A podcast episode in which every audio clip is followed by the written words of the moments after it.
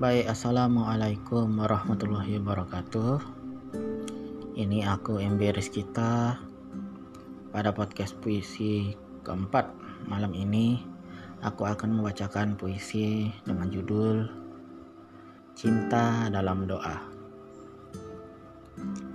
Cinta dalam doa. Kusebut namamu melewati bumantara ketujuh ku sampaikan padanya permohonanku. Walau ku hampir tak ingat lagi wajahmu dari pandanganku. Namamu begitu menghujam di hatiku, meninggalkan kesyahduan yang mendalam. Ingatku akan dirimu bagai rona sinar mentari tertutup awan. Ku aksarakan rasa ini lewat untai doa padanya. Tak lupa pula kama aku panjatkan padanya.